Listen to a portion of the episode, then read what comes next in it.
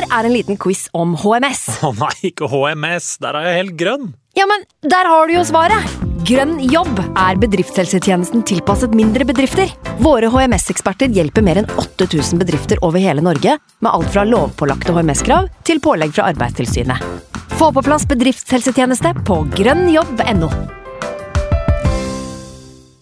Hallo? Jeg kommer fra Oslo politikammer. Ine Jansen er purk. Er du purk? The motherfucking bitch. Alt jeg vil, er å finne ut hva som skjedde med mannen min. Jon Carew. Er jeg sikta for noe? Iben Akeli. Det er du. Ole So, Lars Berrum og Big Daddy Karsten. Hvem sin side er du på, egentlig? Anette Hoff, Tone Danielsen, Kommer du fra Afrika? Jørnis Josef, Nesten. Kløfta. Trond Espen Seim, Det er synd å si det, men det var feil mann som døde. Purk. Premiere tirsdag på TV2 Play.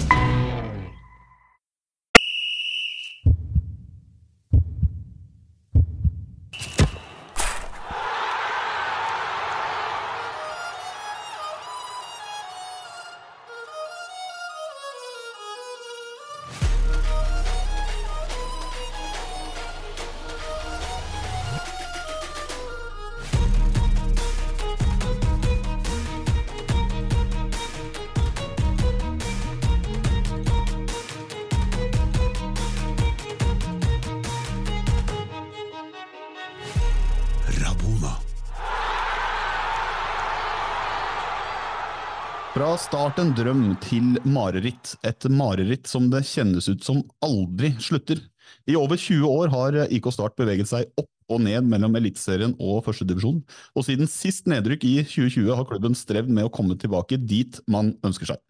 De har vel prøvd det meste på dette tidspunktet, investorer, trenerbytter og til å spare på strømmen, men kaoset virker uendelig. Eh, Vi utenfor kan kanskje le og la oss fascinere, eh, og Start har definitivt bidratt til å få andre klubber, sånn som mitt eget Vålerenga, til å se ut som et mønsterbruk i norsk toppfotball. Men alt i alt så er det vel først og fremst triste scener, og da spesielt for de som er glad i Start. Og sett i lys av hva som har skjedd de siste ukene og månedene, må vi i Ravona Rabona rett og slett prøve å finne ut av det store spørsmålet. Hva i alle dager er feil i Start? Og, og hvordan kan man komme dit at man får klubben på rett eh, kjøl igjen? Og med det så ønsker jeg velkommen til deg, kjære lytter, til en ny episode av Rabona, eller Rabona, som jeg nettopp sa. Jeg heter eh, Snorre Feldal, og med meg i dag så har jeg eh, Jonas Aune Sunde, eller Kodal store sønn. Velkommen. Takk for det, Snorre. Og du har dratt med deg Frank, du. Frank Amundsen. Ja da, jeg er her òg. Du er jo her som spilleralibi, er du ikke det? Nei, ikke her. Nei, ikke her. Og eh, sist, men ikke minst, eh, Torstein Helstad, du er også med i dag. Du er da ikke Bodø-Glimt-alibiet, men eh, ja, du, du har alibi for det meste. ja, det høres jo bra ut. Jeg tar den. Det er bra. Vi, eh, vi gleder oss vi til å sammen eh, med de gjestene som vi snart skal få introdusert eh, til å få både oss selv og de i og rundt om i Norge som er glad i fotball, til å lære litt mer om hva som har foregått i Start. Vi kommer tilbake til det. For aller først så må vi snakke litt med hvordan det går med Bole-Jonas, som jeg valgte å kalle deg nå. Bole-Jonas, ja. Det var jo det, det tar jeg som et kompliment. Takk for det, Snorre. Men Jo, ja, eh, det- nei, det går bra. Du skjønner hvorfor jeg sier det? Ja, eh, du syns jeg er blitt eh, stor og sexy? Eh, Eh, ja, eller eh, du er stor, i hvert fall. Det kan man Nei da, det, nei, du sikter jo til at vi er sponsa av Fundamental eh, Workouts. eh, Og eh, det er jo dagens episodesponsor, og jeg følger jo treningsplaner som, eh, som jeg skal. Kanskje ikke like god på kostholdsplaner, men eh, det funker fortsatt veldig bra. Det som er litt gøy nå, er at, eh, er at eh, sponsor Det at eh, vi blir sponsa, det funker tydeligvis fordi han har fått flere kunder fra, gjennom eh, rabattkoden Rabona, som vi eh, da bruker. Så da, da funker det å sponse oss, da. Og det er jo, det er jo gledelig. Ja, det skader jo ikke, for, uh, verken for uh, sponsoren og for deg. Uh, funker, for det har fungert noenlunde for deg òg. Jeg har en helt annen hverdag, det, må jeg si. Det sa jeg jo sist òg. Eh, veldig stor progresjon på treninga. Eh, føler meg mye bedre i hverdagen sånn generelt. Mindre lat. Eh, Samboeren setter veldig stor pris på meg akkurat nå, så det er jo det gir jo resultater både her og der, uten å gå nærmere inn på det, men det er jo enda et argument for å skaffe seg en PT, kanskje, da. Mm. Men uh, det kommer jo flere sponsorer inn etter hvert nå. Vi har jo faktisk ikke vært på jobb ennå i år. Har jo bare jobba med å få inn uh, litt sponsormidler til oss, og med podkasten generelt. Så uka her nå så skal vi spille inn en svær Rosenborg-spesial med 14 gjester. Mm. Um, trenger kanskje ikke avsløre gjestene akkurat nå, men det er ganske fine navn som skal være med i den episoden. Så for de som er glad i Rosenborg og, og, norsk fotball generelt, så er det bare å glede seg, for å si det sånn. Typisk Jonas å begynne å snakke om Rosenborg når det er en startepisode, da. ja, og det er også eh, sånn at vi kommer til å prøve å ha alle 14 gjestene i studio samtidig, for at det skal bli mest mulig oversiktlig. Nei da, vi skal dele opp den i deler og komme Eh, så det blir eh, forskjellige segmenter. Eh, den gleder vi oss til å slippe. Jonas har jobba mye med det. og vi, vi, har en ambisjon om å gjøre det som sagt med andre lag. Men det er jo litt morsomt da, Jonas, med, med, den, med den, sponsoren. Jeg må bare nevne det. At det finnes jo lag som nå sliter med å stille store med manntall på, og har ikke trenere, som f.eks. et lag vi skal snakke om i dag. Så kanskje de også kan bruke dette app-baserte systemet til han der i Fundamental Workouts for å få til man har fått orden på trenerkabalen.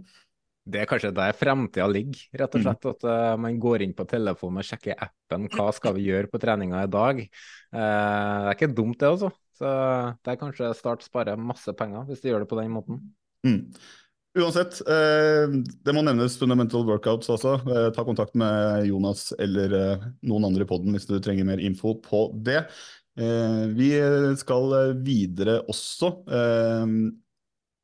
rett og slett bare hoppe til hva dagens episode i stor grad skal handle om. For det skal handle om IK Start, eh, på godt og vondt. Eh, litt senere i episoden skal vi også eh, touche litt innom hva som ellers rører seg i Norge av overganger og løse og faste rykter og sånn. Litt spørsmål som har blitt sendt inn, og litt andre ting i og rundt Fotball-Norge. Men det er egentlig på tide å bare få inn gjestene. fordi verken jeg, Jonas, Frank eller Torstein har spesielt koll på hva som foregår i Start. Eh, og dagens første gjest eh, er Start-supporter, eh, på godt og vondt. Kanskje mest vondt. Eh, han er også podkaster i Start en pod, og er et kjent fjes for eh, ganske mange på Twitter. Eh, det er en stor glede for oss å få testa han i vårt studio, så andre podkaster slipper. velkommen til oss, Lars Martin Gimse. Tusen hjertelig takk. Det var jo en fin referanse til mine Twitter-aktiviteter. Den setter jeg pris på. Ja, jeg er veldig glad i når du tester ting så jeg slipper, for jeg tar det bokstavelig. Og spesielt eh, den der eh, potetgullet med julebrussmak, den er jeg glad for at jeg slapp. ja, den er det bare å ligge langt unna, for det er det verste jeg har smakt noen gang. Altså. Men vi skal ikke snakke om potetgull med julebrussmak og andre ting du eh, tester for oss. Eh, det aller første jeg har lyst til å spørre deg om før vi får inn flere gjester, eh, kan ikke du så eh, kort du klarer, men så, så langt du må, da. Eh, hva er ståa i Start akkurat nå? Akkurat nå, eh, da skal jeg ta og hoppe elegant over hvorfor ting er som de er. egentlig, Det kan vi sikkert bruke litt tid på senere, men akkurat nå så er ståa at Start står eh, de har en midlertidig eh, daglig leder. De står uten hovedtrener, uten eh, assistenttrener, uten fysisk trener, uten materialforvalter. De står per def uten keepertrener, men der har jo den eh, gamle legenden Erik Rutford Pedersen steppa inn i en vikarrolle, som han alltid gjør når eh, Start står uten keepertrenere. Eh, man har et ekstraordinært årsmøte om eh, halvannen uke fordi medlemmene eh, i, eh, i, Start har, har, krevd det og har mistillit til det sittende styret. Start har kommet til å gå med et underskudd på røftlig 10 millioner i år. Det vil si at man får en negativ egenkapital på minus 6-7 millioner, eh, og må helst ha en positiv egenkapital før sommeren for å ikke bli trukket i poeng. Så eh, poenget er vel egentlig bare at det er full krise i start. Eh, medlemmene har ikke tillit til styret, de har egentlig ikke noen trenere, eh, og de må spare masse penger. Eller skal de ha inn investorer? For det er det store spørsmålet nå, om noen må komme og putte inn penger i start. Så det er helt høyt. Ja, enkelt og greit. Eh, vi skal komme eh, inn på flere deler av, eh, av kaoset. For å kunne prate om andre kanskje aspekter og, og sånn enn det supporterhjertet kanskje kjenner mest på, så har vi også med oss en gjest som bringer erfaring til bordet i dag som startspiller. Han har også gjesta oss tidligere når vi het gamle, kleine navnet som vi nå har bytta ut. I dag er han også styremedlem i SK Brann og har eh, kanskje noen tips til det nye eller det gamle styret i Start. Eh, velkommen tilbake til eh, oss, Håkon Otto. Takk for det. Og Som tidligere spiller da, i, i, Start, hvordan er det å se en klubb man har tilbrakt deler av karrieren sin i, rote rundt, sånn som man ser det nå? Det er jo litt synd, da. Det har jeg sagt hele tida, at Start har et fantastisk potensial. Det er en det er en fin by, det, de har en fin stadion, de har fine supportere, de har et stort nedslagsfelt. Um, jeg hadde veldig fine år der nede. Uh, og så er det fem år siden, og fem år er tydeligvis fryktelig lang tid i fotball. Iallfall har det blitt det de siste årene. Så um, ja. Hvor mye den tida som er der, eller hvor mye som er det som er der nå, ligner på når jeg var der nede, ja, det kan vi komme kanskje litt tilbake til, men jeg tror, eh, jeg tror det ligner litt, og så er det noen forskjeller.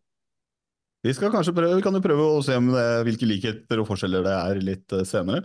Eh, vi må bare hive oss rundt og få med dagens tredje og siste gjest. Eh, har også spillererfaring fra start, eh, denne gjesten, men i dag eh, så er det her kanskje som den, eller en av de som vet aller mest om hva som rører seg i klubben, gjerne litt før alle andre, og hvordan klubben rører det til. Fordi han er da journalist i Federlandsvennen, som dekker Start. Også, er også daglig leder i Sør Sportsreiser og gleder seg til å tjene penger på Vålerenga-supportere sin Syden 2-0 i juli. Men uansett, hjertelig velkommen til oss skal du være, Daniel Aase. Tusen takk for det. Jeg eh, spør først fra det journalistiske perspektivet, jeg, eh, som du opplever eh, som er litt annerledes enn mange. Det må være nok å, å, skrive og ta tak i, men hvordan er det akkurat nå om dagen å dekke, dekke Start? Nei, altså Det har vært uh, helt uh, ubegripelig siden sesongslutt. Uh, vi har jo faktisk fått mange meldinger ikke vi, om ikke vi bare kan gå over til en løpende livesending og bare kjøre start minutt for minutt, som de gjør med Hurtigruta eller hva det skulle være for noe. og sånn at vi får med oss alt en, i nåtid.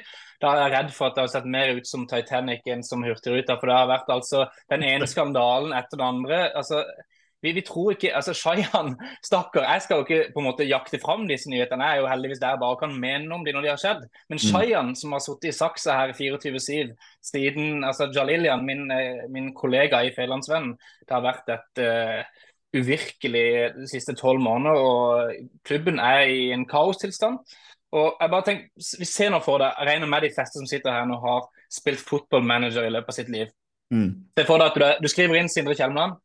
Det er jo i mars i fjor, og så skjer disse tingene her på løpende bånd de neste første tolv månedene av kontrakten din.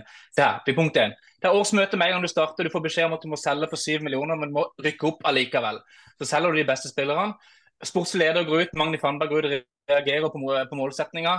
Eh, nei, daglig leder Terje Markussen sier at hei, gutta på sport, jeg må bare levere. Og så får du et så stort skademareritt at hele klubben må opp i Vennesla og trene fordi banen er for dårlig i Kristiansand. Og styreleder går ut og sier at jo da, klubben skal opp, men det har du ikke hørt om sjøl. Og så blir det drøftelsesmøte, og så blir det allmøte med Terje Markus som sier at alle med utgående kontrakt, de må gå. Og så går Endre Eide, assistenten går ut kamp, dagen før siste kamp og sier at uh, klubben er syk. Og så glemte dessverre daglig leder å slå på varmekablene og skulle spille den viktigste kampen for sesongen. Fryktelig tungt, selvfølgelig. Og så allierer alle supportergruppene seg til et allmøte etter siste seriekamp. Og så blir Magne Hoseth plutselig nevnt som din erstatter, men du er jo på kontrakt. Og så kommer det amerikanske investorer og Sindre ut og spiller brev til eh, ja, supporterbrev og møte på stadion, som gjør at styreleder trekker seg. Åh, det, du hadde trodd at det her spillet her, det, spillet er sykt. Spillet må rett og slett bare leveres tilbake igjen til der du kjøpte det, for det er så urealistisk, det som har skjedd. Så dette må jo være hvordan det har vært å være Sindre Kjelmeland de siste tolv månedene. Jeg kan si at Hvis det hadde vært meg som hadde spilt den eh, utgaven, så håper jeg at jeg ikke hadde lagra siden før mars, sånn at jeg kunne skru av og begynt på nytt. Eh, det er ikke sikkert jeg hadde lyst til det heller, kanskje jeg ikke burde starte å spille, men eh, det er, det er såpass mye som har skjedd. Det er såpass mye som det er nesten ikke til å tro uh, når man hører det. og vi har hørt Dere trekker fram mye av de samme tingene. Så vi, vi må spole litt tilbake. Uh, for noe av det vi prøver å finne ut av her, og som vi er nysgjerrige på, uh, er jo hva, hva, som har gått gærent. så hvis vi kan spole tilbake, Lars Martin. hva vil du si, Når vil du si at det starta i denne spiralen som, har, som det har kulminert i de siste ukene og månedene nå? når starta dette her i, i Start, at vi fikk denne utgaven? Å, herregud, på midten av 90-tallet. Um, altså, Start Starts historie er egentlig en sånn evig runddans der det blir eh, økonomiske kriser med jevne mellomrom, og så kommer det noen sånn korte opphold, f.eks. rundt 2005, da vi holdt på å ta seriegull. Eh, men altså, i 2009 holdt Start på å gå konkurs, i 2013 så var det masse greier. I 2016 og starten, 2017 og Start en drøm kom inn, så måtte de selge under alle de beste spillerne sine. Men så begynner nok på en måte dette eh, i kjølvannet av den litt megalomane satsinga til Start en drøm, eh, der man hadde brukt mye penger. Eh, så kom man jo ut av det med en viss egenkapital på bok. Men så har man prøvd å satse for å rykke opp, og gjort det flere sesonger på rad nå. Og spist og spist og spist av den egenkapitalen. Eh, og da er det liksom først i år, på begynnelsen av året, når Terje Markussen går ut og sier at vi skal rykke opp, det er klart at Start skal rykke opp, og så sier sportslig avdeling det har vi ikke hørt noen ting om, sier de. Eh, og blir litt irritert, for de prøver å si at vi må selge for syv millioner, men skal fremdeles rykke opp. Hvordan skal det gå? Eh, og så kom jo en evig skademareritt på, på, våren i år. Og plutselig på sommeren så blir Magni Fannberg, sportslig leder, innkalt til et drøftelsesmøte fordi at klubben ønsker å si han opp og bli kvitt han. Og Det handler om samarbeidsproblemer mellom han og har vi oppfatta fra utsida i stor grad Terje Markussen, men flere år tydeligvis. Eh, og etter det så har det liksom bare gått verre og verre og verre. og verre og verre. Mm. Fordi eh, Vi kan jo ta eh, kort om eh, Start en drøm. For de som ikke eh, Hvis du kan forklare det, da, kanskje Lars Martin. Eh, Start en drøm eh, det var et investorprosjekt som kom inn i 2017. og Hva var tanken da? Du, det var en gjeng sto, i stor grad lokale gutter som hadde tjent seg rike på ja, online kasinoer og gambling og sånt. Eh, Poenget da var vel å gjøre Start til en stabil eliteserieklubb. De eh, kom inn midt i sesongen eh, på sommeren i 2017, da Start lå i førstedivisjon. Eh, og de målet var at de skulle Eller det de hadde tenkt til, var å bruke rundt 40 millioner kroner over en tiårsperiode, vel. Eh, de ga seg etter um, ja, hva er det for noe, tre og et halvt, fire år, og hadde vel brukt godt over 100 millioner. Eh, så det forteller jo om et prosjekt som hadde alle de beste intensjoner, men der man nok ikke hadde styring på hva man drev med, og brukte uhorvelig mye penger på at Start sto på status quo, om ikke verre, i det øyeblikket de trakk seg ut. Eh, så målet var at Start skulle bli et stabilt, godt eliteserielag, men det fikk de jo ikke til. Det eneste vi fikk, var mirakelet på Åråsen, som jeg er evig takknemlig for den eh, desemberkvelden da Martin Ramsland skåret tre og Lillestrøm rykka ned. Det er sikkert uh, du òg, Snorre. Men ja, det var en nydelig kveld. Det var det.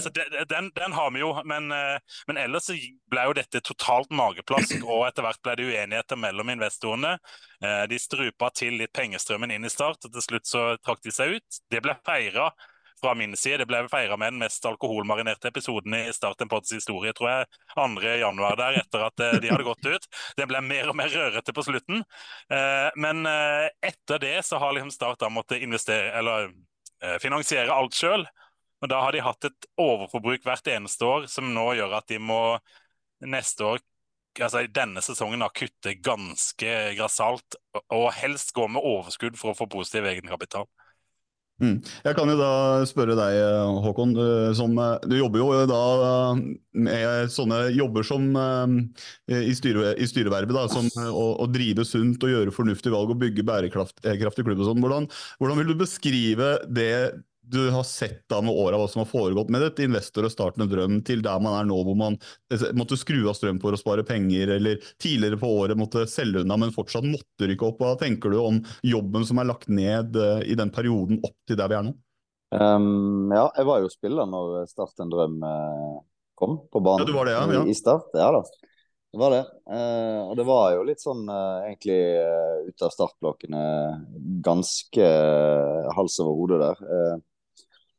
Eh, det ble jo gjort en del avgjørelser som, eh, som ble gjort ganske fort. eh, som umulig kan ha vært noe veldig godt uh, forankra noe som helst plass. Eh, eh, og så eh, ja, så balla det vel egentlig bare på seg uh, inn i det. Altså, Opprykket gikk jo i boks sant, i, i, den sesongen de kom inn, og så når, det, når, du på en måte kom inn i en ny sesong der, så så, så, så bærer det jo preg av at det satses voldsomt uh, uh, uten noe særlig sånn Altså, det er ikke en langsiktig strategi som ligger bak alle investeringene som gjøres, for å si det forsiktig. da. Og da, og da blir det litt sånn det, det, blir veldig tilfeldig. Uh, Altfor tilfeldig eh, hvis du skal få til noe på, på lang sikt. Eh, du kunne kanskje klart det på, sånn, på, kort sikt at du hadde truffet litt bedre og at det hadde gått greit. Men, eh, eh, men faren med å gjøre det på den måten er jo at det går fryktelig galt. Og det, det gjorde jo det i, det året der 2018, da, der du på en måte skal inn og virkelig satse, og så rykker du ned igjen på, på første forsøk. Det da, da på en måte og i tillegg så, så tror du vel egentlig på veien der, så sparker du treneren ganske kjapt, og så får du inn en ny en. Og da viser du egentlig på for omgivelsene at det, det er ikke en langsiktig strategi, og du tror egentlig ikke helt på det du sjøl holder på med. da.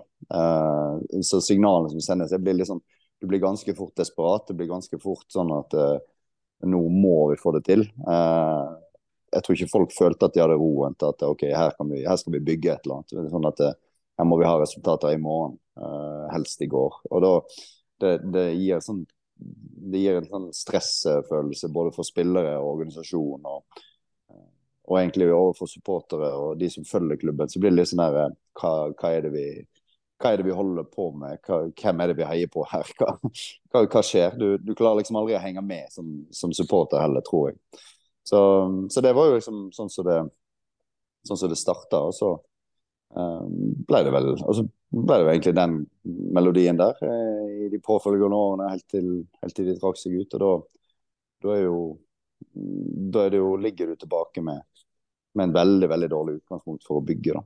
Um, og, og sett, Jeg reiste jo etter 2018-sesongen uh, eh, og det nedrykket. Så, så det er sånn, også følge det fortsettelsen fra utsiden er jo som, som han som han sier her, det, det, er liksom, det, er jo den der mirakel på Åråsen du sitter igjen med som et kjempeøyeblikk, og som, som er kanskje det største startøyeblikket siden, ja, siden sølvet, kanskje. Eller, det eh, men, men, det er ikke nok altså, for, en sånn, eh, for en sånn satsing som det der. Så, så det har vært egentlig trist å følge fra utsiden, for det Start skal jo være der oppe. Um, men det er mangel på langsiktig strategi og, og på en måte å forankre avgjørelsen som tas, den, den er jo sånn, syns jeg er åpenbar. At det, det er der det, der det svikter. Daniel, eh, vi skal snart forlate Start og drøm-prosjektet og bevege oss litt nærmere til hva som ligger foran og vært i litt nyere tid. Men hvor stor del av ansvaret for eh, det prosjektet har eh, eller hvor stor del av ansvaret har det prosjektet for at man er der man er økonomisk og, og mm, organisasjonsmessig, tenker du? Nei, Det syns jeg er litt vanskelig å si. fordi at eh, Man kan godt gi de skylda for at Du skal huske hvor Start var før de kom inn også. Start var, De hadde kutta, kutta, kutta, kutta, kutta og var helt ned på beinet. Hadde også da, som nå, behov for sannsynligvis for hjelp utenfra, for de klarte ikke å drive i, eh, i pluss. Så Starten Drøm kom jo på mange måter også inn som redningsmenn den gangen. og hadde, som, som du sier, Gimse, mange fine intensjoner og egentlig en ganske langsiktig plan. Så er det som Håkon sier, problem her. Steinar Pedersen allerede før Støsen ble jo sparka. Eh, med fem kamper igjen av Obos-ligaen og Start lå på opprykksplass. Det er jo utrolig sjeldent at noe sånt skjer. Og så blir det da henta inn 15 nye spillere til Mark, Mark Dempsey, som da hadde henta inn masse unge spillere i den nye strategien. Han får fyken etter åtte-ni kamper eller noe sånt i, i Eliteserien, og blir erstatta av Kjetil Rekdal, som står for en helt annen type fotball enn det Mark Dempsey gjorde, som da skulle ha sine spillere igjen. og hvor De som ble henta inn for to måneder siden, plutselig var helt ute i kulda. Så strategien her er som du sier, helt krise. Men jeg tror det henger litt sammen med hvis du tar Jonas og altså, Litt sånn storklubbsyndrom som man kan kanskje se litt Man kan se det i United. Kan se det til tider i Vålerenga. Eh, ikke bare til tider, kanskje, men eh, mer enn det også. Men de har jo selvfølgelig gjort det bedre, men litt i samme type skala. da. Vi ser det i Rosenborg også. Det der med at det er et eh, distansen mellom hva supporterne og hva byen føler at vi er, og hva som er realiteten, blir for stor. Og da blir det også for kort mellom Hvis du da med en gang du presterer litt dårligere enn det du kanskje egentlig burde, så vil det med en gang etablere seg et hylekor i byen om at nå må det gjøres endringer. Og da da gir folk, flinke folk som sitter i, i, i, styrende posisjoner, som egentlig har utrolig gode tanker, de gir etter for dette presset her fordi det blir så stort. Og så ender man i en sånn spiral hvor man ikke kommer seg ut av det. Jeg, jeg tror nok mange andre klubber også kan kjenne seg litt igjen i det. Bare Start har vært i den syklusen i, i 20 år snart. Ja, jeg, kjenner, jeg, kjenner, meg veldig igjen som Rosenborg-supporter i det du sier der. Uh, problemet er jo at bånd til Start er mye lavere enn bånd til Rosenborg. For du skal ha hurtige resultater, som Håkon er inne på, gjerne i går.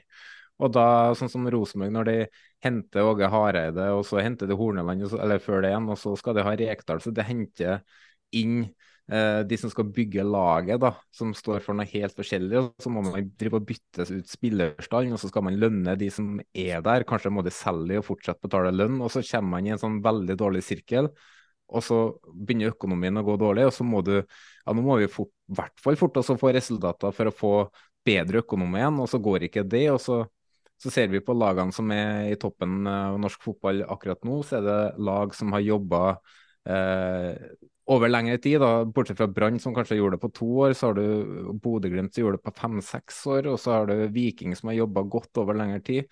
Det som er synonymt med de lagene, er at de har jobba eh, systematisk med folk som trekker i samme retning, og så får de resultater til slutt. Men Start skal ha resultater i går. Og det, samme som Rosenborg, samme som Vålerenga òg, f.eks. Så det er jo eh, Vi ser jo i norsk fotball nå at det er lagene som er best dreven, er de som ligger eh, lengst opp på tabellen. Ja, det er... Jeg kaller den der klassiske marshmallow-testen som, eh, som en Oskar Monsson som jeg driver med Stockholmsfotballen alltid sier. Vil du ha det som du sier til barn, vil du ha én i dag eller to i morgen? Og Det er jo der Start har tatt den ene i dag hver eneste gang og tatt den første muligheten som ligger der. Ofte fordi de er tvungen til det, men det er dessverre som du sier, det gjør at man aldri kommer seg av flekken. Jeg trodde egentlig at Magni Fannberg, Sindre Kjelmeland var den nye vinen, den nye veien. Vi skal bare gi de to, tre, fire, fem år. Og så kan det være at det vil gi frukter. Så vi har egentlig vært ganske tålmodige med at de skulle få disse resultatene. Men så ble det da interne stridigheter allikevel som nok en gang gjør at de må begynne helt på nytt. Jeg kan jo hoppe tilbake til deg, Lars Martin. Du har jo egentlig du har fulgt dette her eh, i eh, sanntid, du også. og eh, Du sa det har egentlig pågått siden 90-tallet og opp og ned. Hvis ikke jeg har telt helt feil, så har det vært en eh, syv ganger opp og syv ganger ned de siste 20 åra. Nesten oftere rett ned enn ikke. Så det er sånn, det er vondt nok som supporter, det. Men det siste halve året, kanskje, da. hvor ille har det vært? Har det vært en ny grensesprengende på skalaen der for hvor ille det kunne bli? Ja, det vil jeg si at det har blitt. Vi hadde, eh, vi hadde en episode, det lurer jeg på om var i forbindelse med den kvalikkampen som eh, ja, Der noen hadde valgt å ikke skru på varmekablene. Der kalte vi episoden 'Bunnen er nådd'. Det viste seg at det var helt feil. Og det har vi sagt eh, Jeg tror vi har sagt det 15-20 ganger i løpet av det siste eh, året, og sikkert ti ganger i løpet av det siste året. Det Bunnen er nå, nå, nå kan det ikke bli verre. Men altså, det, blir jo, det blir jo verre og verre og verre, eh, og man forstår jo egentlig ikke Det har vært litt av vår greie fra utsida. Altså, alle er jo enige om at Start burde være et lag som kjemper om opprykk, som burde rykke opp og som burde ligge i Eliteserien. Eh, men så er jo, jeg har jo egentlig krangelen internt i Start vært, oppfatter jeg, eh, at man ikke er enig om hvor lang tid det kommer til å ta. Eh, og så er det som supporter så er det én ting å se på at Start er dårlige, for det har jeg gjort mange ganger før. Eh, og det kan jeg på en måte leve med. Jeg har sett, eh, Det var når Daniel spilte der, og Håkon òg for så vidt, at de ikke vant på over et år. Eh, det kan ikke stemme. Det kan ikke stemme. Vil du heller ikke snakke om det der eh, nydelige målet ditt mot Mjøndalen, da, siden vi først er i gang? Det er jo i samme periode. Det, vi må ha en egen episode om det. Målte Håkon da på Ullevål på egen halvdel? Jeg kommenterte det på lokalradio, eh, Daniel. Eh, men, men, men det, det, altså at Start gjør det dårlig, det er på en måte til å leve med. og det kan vi klare å bite i oss. og Jeg, jeg har øl, så det skal jeg klare å komme meg gjennom. Men, men at det liksom kombinerer det at det presteres dårlig på banen, at det er, ikke, altså det er ikke kontroll på noe som helst ting annet. Det er ingen som er enige om i hvilken retning man skal gå. Og alle krangler, og styret vil ha ut sportssjef, og styret vil ha ut trener. Uh, og økonomien er ræva, da blir det altså I romjula så sa jeg at jeg må ha en startpause, for når jeg er sliten Det er jo en fulltidsjobb å være Start-fan for tida og følge med på alt som skjer. Og jeg har en fulltidsjobb fra før, så, og helst noen unger jeg skal gi litt kjærlighet innimellom og en samboer, for så vidt. Så eh, man blir sliten. Mm. Men er, er, unnskyld, unnskyld, at jeg avbryter, men er dette her et maktspørsmål? Eh, man var jo, har jo, Håkon, du kjenner til den tiden fra, fra Bergen også, der det har vært noe voldsomme årsmøter og supporteroppgjør, og alle stiller og folk skal vekk og alle har en mening. Er det litt det samme Jeg sitter med den følelsen i Kristiansand at Eh, jeg vil skinne i stedet for at vi drar sammen. Er det litt sånn som det kanskje kunne se ut i Bergen for et par år siden? Var det til meg, så skal jeg eh, så eh, Hvem som vil, så ta det. Så det bare ja. ta det. Ja, ja, men uh, uh, Ja, det har tradisjonelt så har det kanskje vært altså, så har det vært sånn i, i Brann. Uh, det har det. og vi var inne på likheter og, og ulikheter her i stad mellom, mellom når jeg var i Start og nå. Men, men, jeg tror akkurat det der tror jeg eh, er ganske likt. Uh, det er en følelse jeg sitter med ganske likt. At, at du har uh, Akkurat som du sier, det er en maktkamp. Og det er liksom ikke noen enighet om at det er Start som kommer først. Det er litt sånn ja, jeg, jeg, jeg, jeg veit ikke, altså. Men, men jeg har en, det er et stort omland og det er et stort nedslagsfelt. Men Um, når jeg var der nede, så husker jeg at vi jobba med å reise rundt og få liksom de andre klubbene til å bli Start-fans, til å heie på Start. Uh, og da er, det, da er det, jo på sånn Det betyr jo òg at det er de som bor og lever rundt de andre klubbene, ikke nødvendigvis heier på Start. Uh, og hvis Start skal bli god, skikkelig god, så må jo Sørlandet dra i samme retning. Eh, så, så, litt sånn eh, posisjonering og litt maktkamp og sånn, det, det, tror jeg absolutt det er. Uh, men, men, Start har ikke råd til det hvis de skal være i toppen av norsk fotball, rett og slett.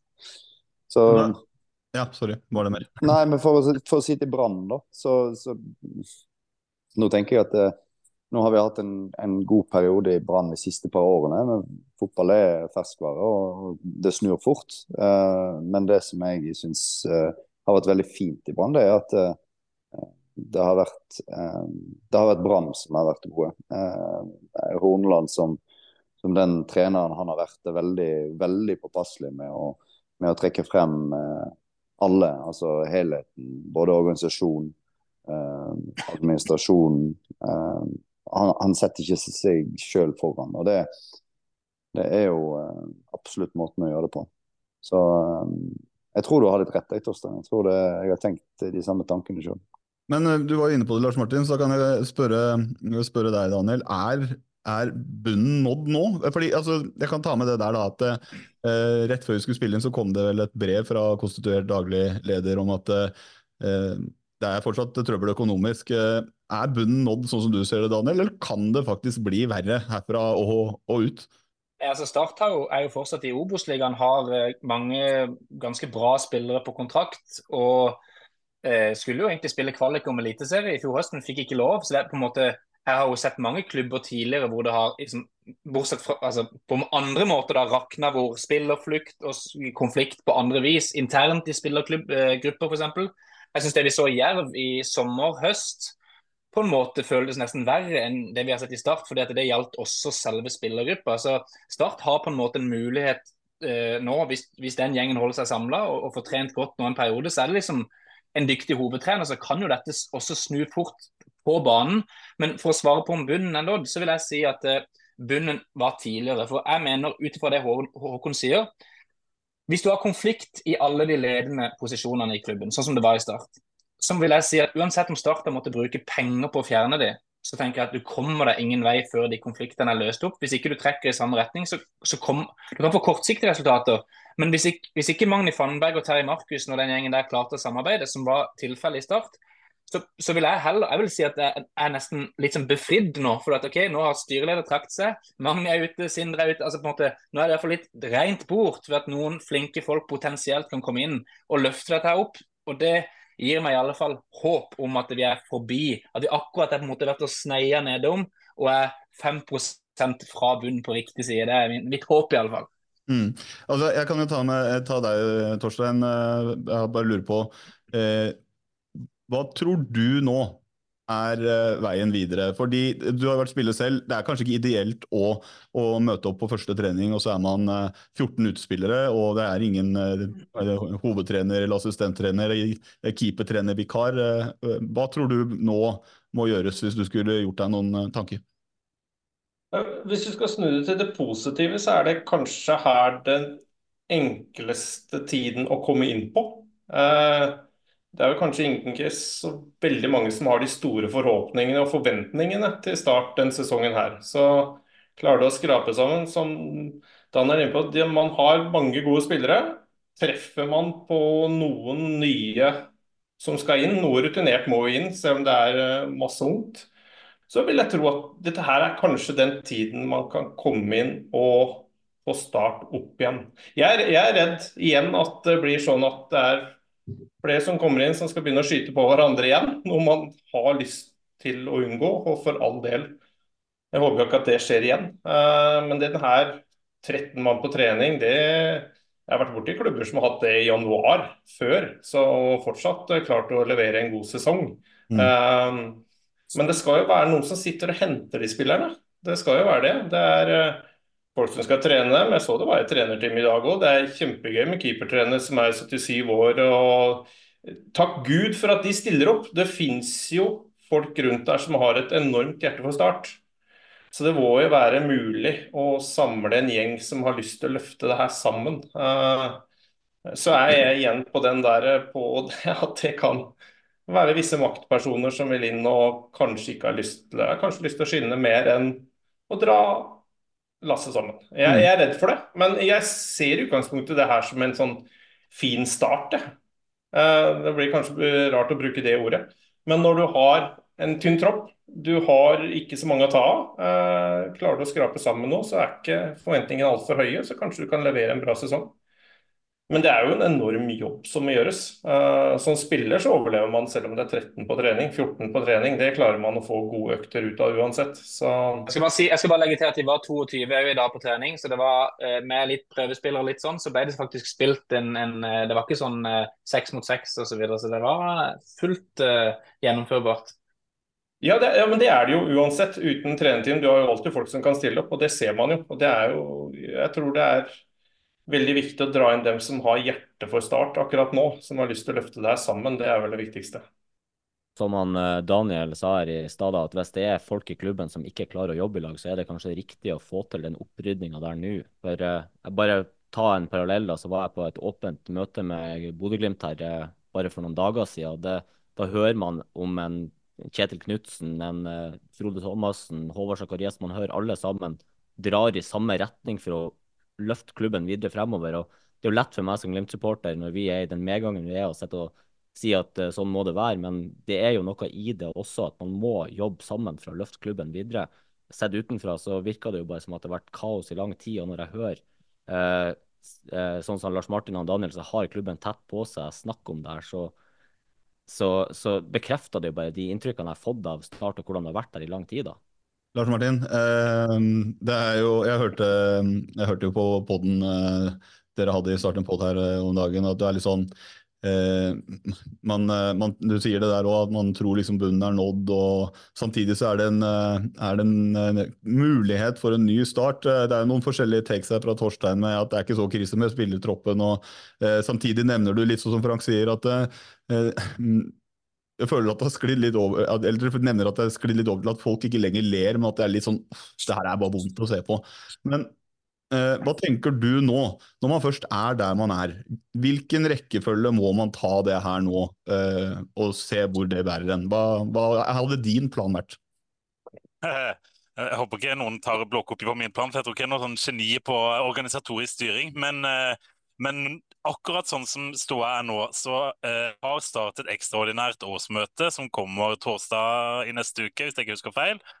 Uh, der kommer etter alle solmerker det sittende styret til å få mistillit og bli avsatt. Um, og, og, jeg vet at det pågår en hel haug med diskusjoner mellom folk som er enige, mellom folk som er ganske uenige rundt Start nå. Folk som har uh, ønske om å bidra inn i, i styret på, på, en eller annen måte. Uh, men, men, uansett så blir man på en måte nødt til å finne en styresammensetning der folk er en, om de ikke er enige i hverandre i alt, men at de kan samarbeide Eh, for det som er litt ironisk, er at selv om alle er uenige nå, det er mye krangling og mye kaos, så virker det som om alle Start-medlemmer og mektige personer i gåstegn som uh, har lyst på en rolle, er enige om hvordan Start skal drives framover. Og det er nøkternt og bærekraftig. Så det er på en måte alle enige om. Men så er spørsmålet hvordan skal Start fikse den elendige økonomien de drar med seg fra fjoråret, der de gikk en, der de fikk et 10 millioner underskudd. Og de har en, en, e, en minus på egenkapital som må fikses før, eh, før juni i år. Eh, og der er det som har blitt skissert opp i Feven og av eh, tidligere daglig i Start, eh, Even Øgrei Bransdal, og for så vidt eh, konstituert daglig leder, eh, så finnes det noen alternativer for hvordan Start kan fikse det. Enten må Start selge spillere for å dekke det underskuddet sitt. Eller så må Start få gaver fra en eller annen rik millionær som har for mye penger som han har lyst til å hive inn i Start, eller en lottomillionær eller et eller annet som har penger og bare sier her, her får dere ti millioner, det dekker underskuddet, så kjører dere på så godt dere kan. Ellers er de faktisk nødt til å ha investorer med eh, en dual modell eller en sånn Nordlandsglimt-modell, som jeg vet òg har vært eh, kasta opp i lufta her. Um, eller så må de ha et ansvarlig lån, som de sier, eh, som det heter. Jeg er ikke veldig inne i akkurat det, og det syns jeg høres ut som den mindre gode løsninga. Så jeg tror at Start må bli enige om de, alle, altså de må finne et styre som kan jobbe sammen, som et flertall av medlemmene kan stille seg bak. Det tror jeg blir ganske vanskelig, det òg, men det skal la seg gjøre. Og så tror jeg nesten ikke man kommer utenom en eller annen form for eh, kapitalhjelp utenfra. Hvis ikke så tror jeg eh, Start enten ikke kommer til å klare økonomien, eller må selge så mange spillere at eh, det laget kan bli farlig nær Post Nord-nivå. Jeg har eh, snakka med en kilde som er veldig tett på Start akkurat nå. Og den kilden sier det at det er så gærent for øyeblikket at et poengtrekk det er ikke det verste som kan skje. Det er faktisk degradering. Uh, og, um, og, amerikanerne snakker med dine kollegaer akkurat nå, Daniel, as we speak. Så, uh, så, får vi se hva som kommer ut av der. Men hvis ikke, sånn som jeg tolker det her, da, så er de 100% avhengig av å få inn investorer som kommer inn umiddelbart. Hvis ikke så spiller ikke Start i Obos-ligaen i 2024. Det er jo ja, sorry. Jeg skulle til å spørre deg, Daniel. Er du enig i det? Eh, ja, altså jeg, jeg har havna i Jeg trodde faktisk ikke Etter starten drøm, selv med de gode intensjonene det hadde, så trodde jeg at eh, nå, Vi kommer ikke til å se dette her igjen på noen gang. for det, der, Med logoendring og alt det som skjedde, så det, det kommer bare ikke til å skje. Men jeg faktisk kommet dit at spesielt når de klarte da virker det som da å presentere en løsning hvor f.eks. Jesper Mathisen Hvem har ikke lyst til å se med Jesper Mathisen i en sportsrolle på Spar? Altså, hvis det er noen fotballinteresserte i Norge som ikke har lyst til å se det, så må de finne på seg noe annet å gjøre. For det er jo, for det, er jo underholdning, det er jo det ene. Og så tror jeg han har en, en, en kraft med, seg, med, sin person som vil være riktig mann for å løfte næringslivet med seg, som får være supporteren tilbake igjen på, eh, på, stadion. Han har en sånn magnetisk aura med, med seg selv som person, som er akkurat det Start trenger nå, mener jeg. Om han er, har gode lederegenskaper på alle mulige vis osv. Det har han ikke fått bevis. om han har jo vært en sånn trigger-happy tidligere som, som, type, og, og skytt litt til høyre og venstre, så det blir jo spennende å følge med på.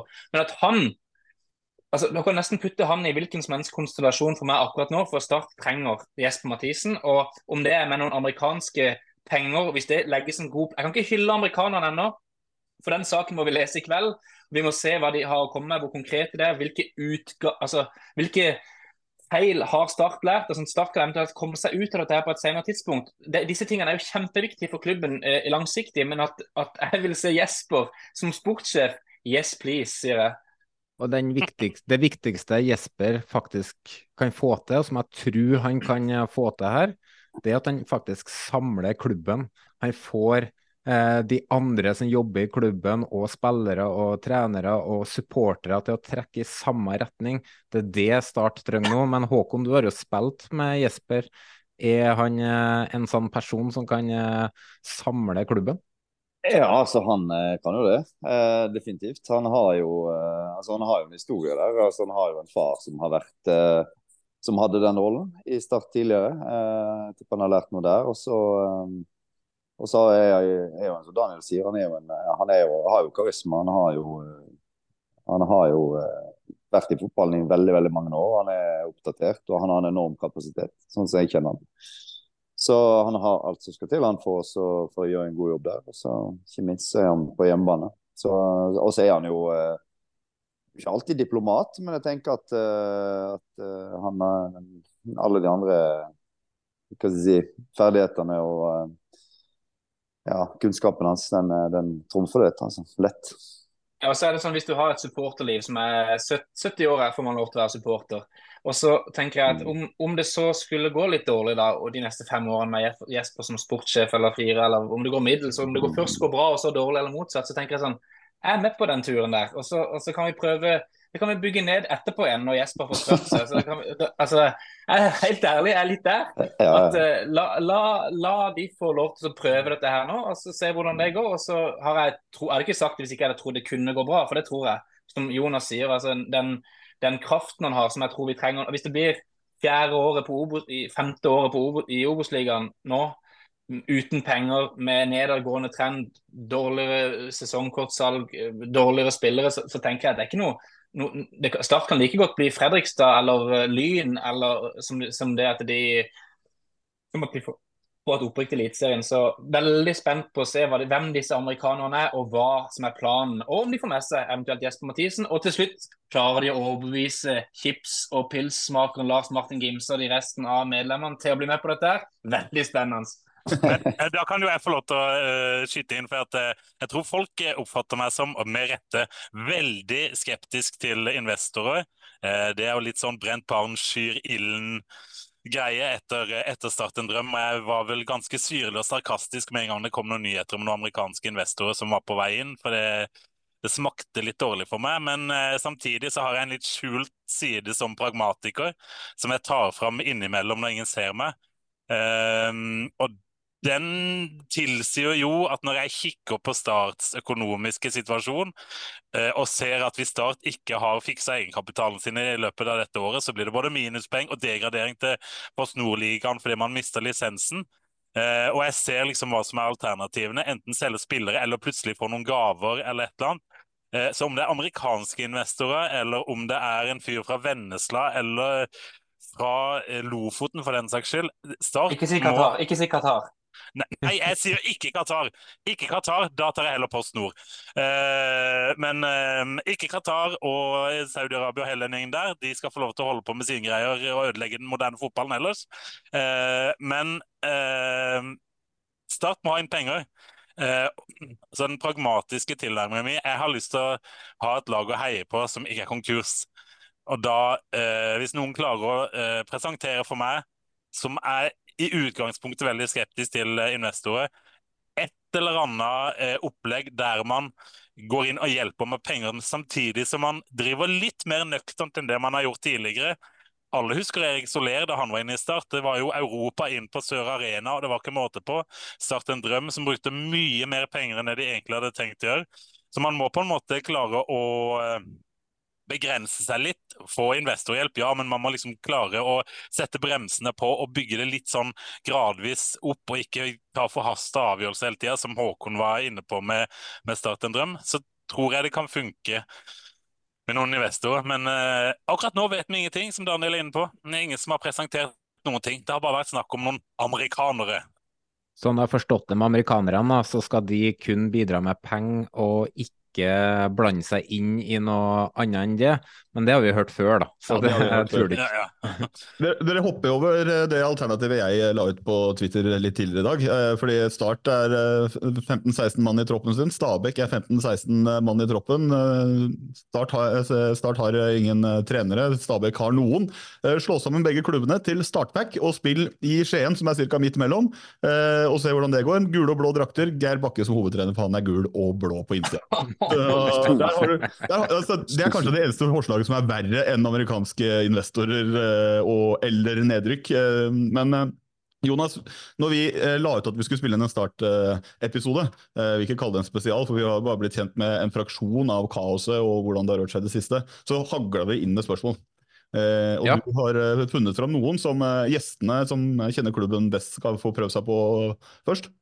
Jeg vil ta det som jeg er mest nysgjerrig på. da. Det kommer fra Tom, eh, Badebyen på Twitter. Eh, et veldig godt spørsmål. Hva mener kona til Sindre Kjelmeland egentlig om Gimse? Jeg må jo først få lov til å påpeke at eh, Badebyen er min kjære podkastkollega i Start en pod. Eh, hva hun egentlig syns om meg? Nei, det, dette spørsmålet kommer fordi at det, idet Sindre Kjelmeland ble ansatt i Start, så hadde han vært ansatt en stund. Da var Sindre på Twitter fremdeles, og han fikk med seg det den eh, lett oppasa Gimse skrev på Twitter under alle hjemmekampene, og det kan gå en kule varmt. Eh, I tillegg så er jeg jo en langhåra, skjeggete, sortkledd mann, så det er mulig at noen syns jeg kan virke litt skummel. For Sindre Kjelmeland han bestemte seg for å dra inn til Oslo for å, for å treffe Oslo-gjengen av Start-supporterne og, og ta noen øl. Og da sa eh, kona til Sindre Kjelmeland Hæ? Skal, skal du treffe han der Gimse? Er ikke han skummel? Så jeg tror kona til Sindre Kjelmeland har inntrykk av at jeg er veldig skummel. Eh, men, men eh, Sindre har eh, sagt at han har skjønt at jeg ikke er skummel, og mulig han har sagt det til kona òg.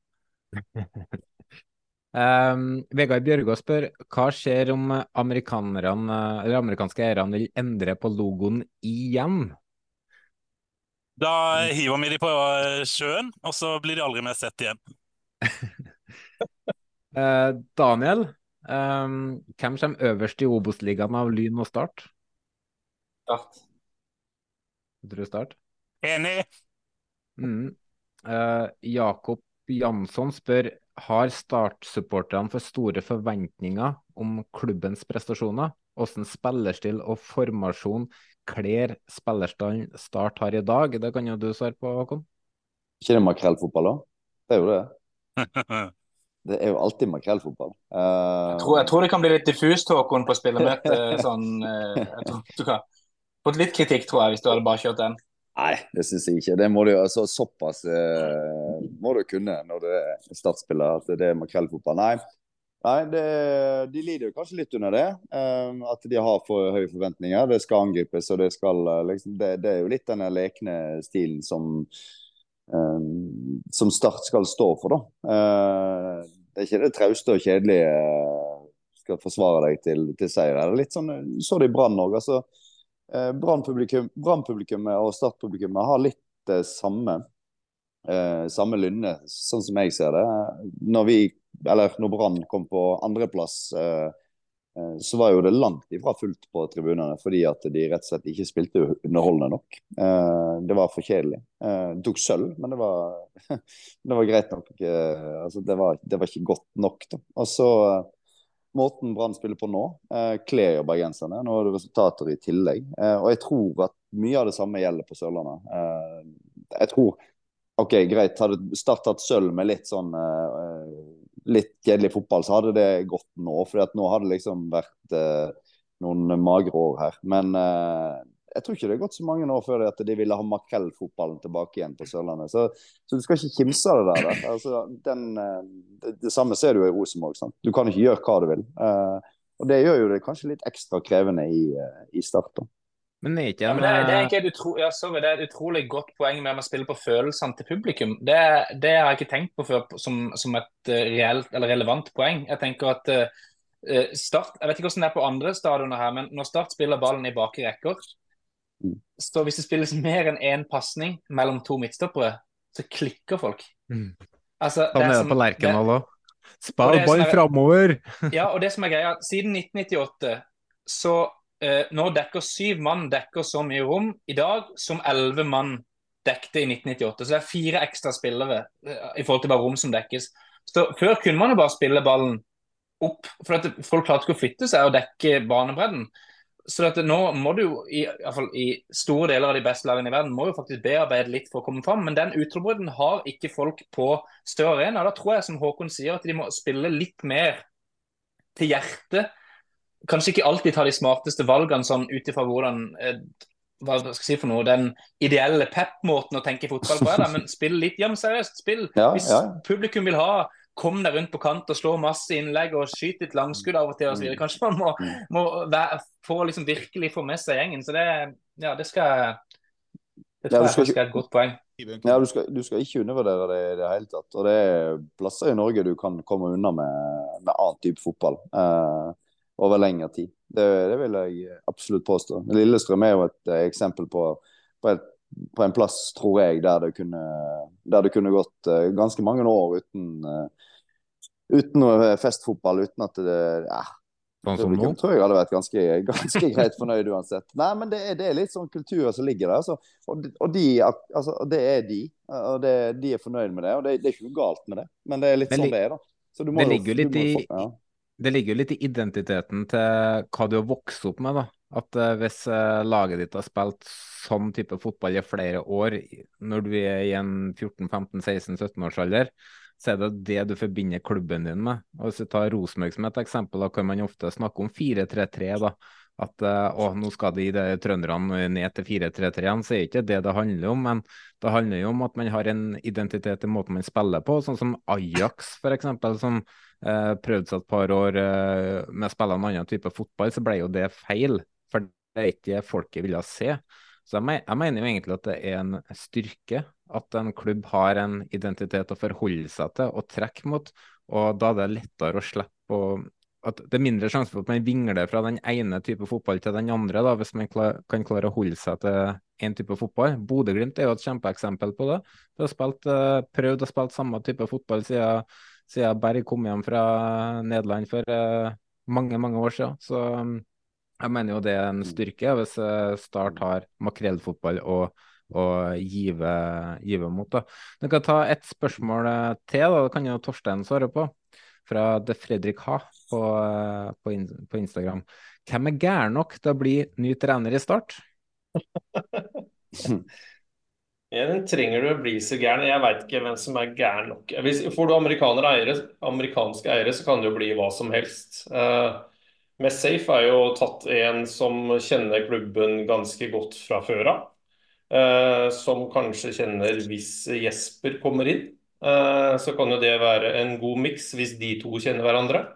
Um, jeg ville vel ha gått mer på og tenkt noe ungt, ikke av de som har vært i norsk fotball altfor lenge. For litt nye tankemåter er nok fint å hente inn i klubben, vil jeg, vil jeg si. Um, jeg tror det blir vanskelig å si noe eksakt. Nei. Rekdal, nei. Det kan man bare si, liksom. Uh, Fagermo, nei. Det passer. Du har visse som ikke passer. Ja.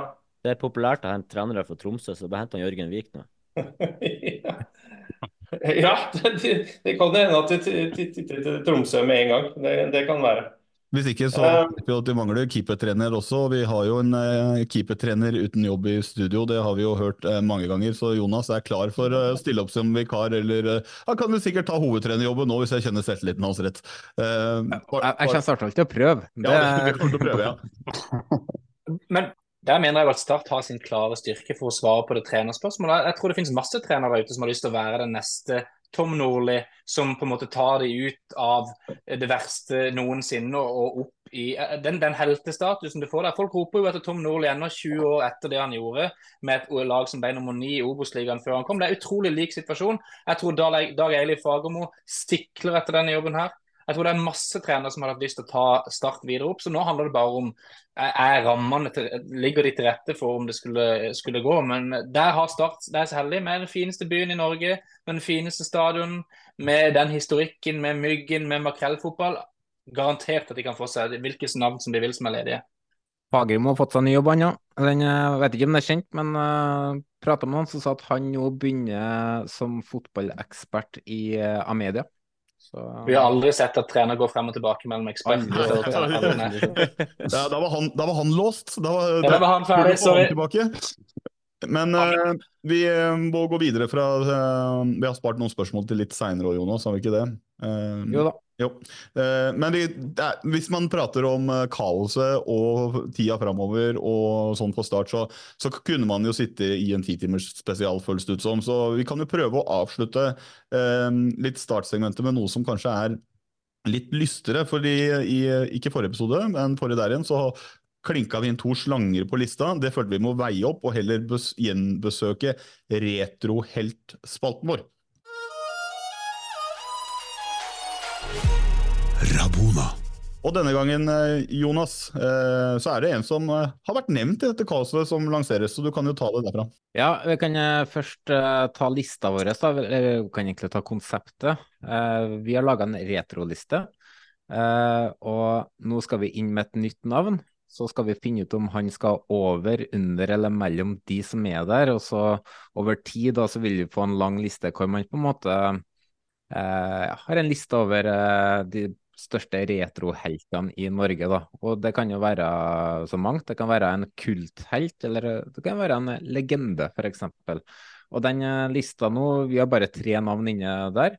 Eh, på førsteplass så har vi Dagfinn Enerly, og på andreplass har vi Morten Berre, og på tredjeplass så har vi Thomas Pereira. Eh, I dag så skal vi ha inn eh, Erik, Myg Erik Myggen Mykland. Ingen forklarer en liste så bra, så, hva konseptet liste er så bra som deg, Jonas. Men er det noen som kan fortelle lytterne der ute hva, noe man trenger å vite om, om Myggen? Noen som har en Myggen-historie de kunne delt? Myggen-historie. Altså for meg er jo eh, Myggen det aller, aller, aller, aller største som noen gang har velsigna fotball med sin tilstedeværelse. Eh, jeg begynte å gå på Kristiansand stadion eh, seint 80-tall, husker fra 1990 utover. Da var det én som pekte seg ut. Det var en jækla langhåra liten trollmann fra Risør som herja på Starts midtbane, og som siden da har vært mitt all, min aller, aller største helt. og etter mitt syn inn, altså sånn grovt, sånn subjektivt, det største geniet som noen gang har spilt fotball i Norge. Eh, tror du kona til Sindre Kjelmeland var redd for han, eller? jeg tror ikke hun var født når han holdt på. Der er han ja, Sindre er jo knapt noe konfirmert, han òg, så eh, Men, men det, det, jeg kan si om Myggen, er at eh, altså jeg hadde jo eh, gleden av å drikke øl og spille en podkast med han for halvannet år siden. I kjelleren til Starts nå arbeidsledige materialforvalter, så får vi se hvordan det blir, Rune Hægeland. Eh, og Myggen er altså minst like hyggelig som han er god. Eh, og min, har, altså Russenavnet mitt ble Myggen. Det sier jo litt om hvor eh, stor helt han er for meg. Um, og da Myggen gjorde comeback i Start i 2008, dette sjokk-comebacket han gjorde, eh, så jobba jeg i um, i TV Sør. Det blir jo på en måte et underbruk av det Daniel der Daniel nå jobber og kom litt bakfull på jobb søndagen og ble sendt på Sør Arena for å dekke Myggens comeback. Eh, og da skulle jeg gjøre intervju med Myggen etter comebacket. Litt bakfull, litt shaky. Eh, det var for så vidt passende å intervjue Myggen litt bakfull, men det er det dårligste intervjuet som er gjort i verdenshistorien. For jeg, jeg, jeg ble altså så starstruck når jeg omsider sto foran uh, Myggen. Og han er ikke verdens enkleste å intervjue alltid heller. Um, så det ble noe enstavelsesord fra meg og mye øh, øh, øh. Uh, så jeg fikk et par kommentarer fra kollegaene mine som så intervjuet dagen etterpå, på at dette var ikke det beste du har levert, Gimse. Jeg har møtt en Håkon Nei, en Håkon, jeg møtte uh, Myggen uh, helt sånn plutselig, uforberedt, tilbake i 2015. da skulle jeg tilbake på min første preseason-trening fra Larvik. Og der pleide jeg alltid å være den første som kom på trening. Og så går jeg inn i garderoben, så ser jeg en som uh, var der før meg, som har skifta tøy, og så så at det var ikke noe kjent med han der, og stussa hvem er det for noen. Så snur det seg, da, og det er Myggen. Fullt påkledd med utstyr og fotballsko og skal være med og trene. Så jeg trodde jo først at i helsike, skal han gjøre comeback hos oss? Jeg var jo helt i hundre, da. Men han uh, var der bare for å trene, da. Han var på besøk i Larvik. Og uh, på den treninga så hadde vi med flere prøvespillere fra Sandefjord, som hadde flere minutter i Eliteserien. Vi hadde prøvespillere fra gode klubber rundt omkring. eh, Ganske gode spillere som har gjort seg bemerka etterpå. Myggen var desidert best på treninga. Det var helt utrolig det nivået han hadde, og fortsatt kvikk og smart. og jeg var jo ordentlig fascinert. Og det er første gangen jeg som keeper eh, opplevde å bli tofotstakla på trening. Så det var jo eh, det var en opplevelse. Håkon, hva, hva tar du fra Myggen? Har du noen historier der, eller eh, noen minner som du vil dele? Ja, altså jeg, jeg har jo møtt Myggen eh, mange ganger når, vi, når jeg spilte i Kristiansand. Og, og det er så eh, Det er så kult når noen bare har det, sånn som Myggen. Altså det, det, der, det som han har, det, det, det kan du ikke trene deg til. Og det er så kult når, når det havner på riktig hylle, liksom. At han begynt, Altså at han spiller fotball, det ser bare så utrolig riktig ut. Uh, og så er det umulig også Ja, jeg er jo enig med Gimse. Altså, han er, han er helt, helt der oppe. Uh, når han spiller jeg har spilt, eh, Nærmest jeg har spilt eller komme og spille med han eller mot han, det var en sånn der oppvisningskamp som vi hadde på stadion, der han uh, spilte på det andre laget. Uh, vi spilte mot et lag som der eh, gamle starthelter, der han bare briljerte med, med pasninger. Det er ingen som kommer innpå han, han slår alltid i riktig tid. Altså, altså Bare sånn totalt fotballgeni. Uh, og så tok jeg faktisk trenerkurs med han. Mm. C-trenerkurset. Og han er jo en tvers igjennom hyggelig fyr. Bare utrolig, utrolig fin. Uh, og så har jeg vært på noen arrangementer med han uh, eh, i forbindelse med noen bok, bokarrangementer. Han, vår gode venn André Våler har skrevet, skrevet en bok der vi har ja, vært med han. Og det, det, han er bare en Hvis han skal på en liste, så skal han på toppen på listen, for å si det sånn. Det er ikke så mye å Jeg har, jeg har, han, jeg har han midt mellom Pereira og Berre foreløpig for min del, altså. Men jeg har jo hatt, jeg har jo hatt gleden av å spille med ham eh, en del kamper.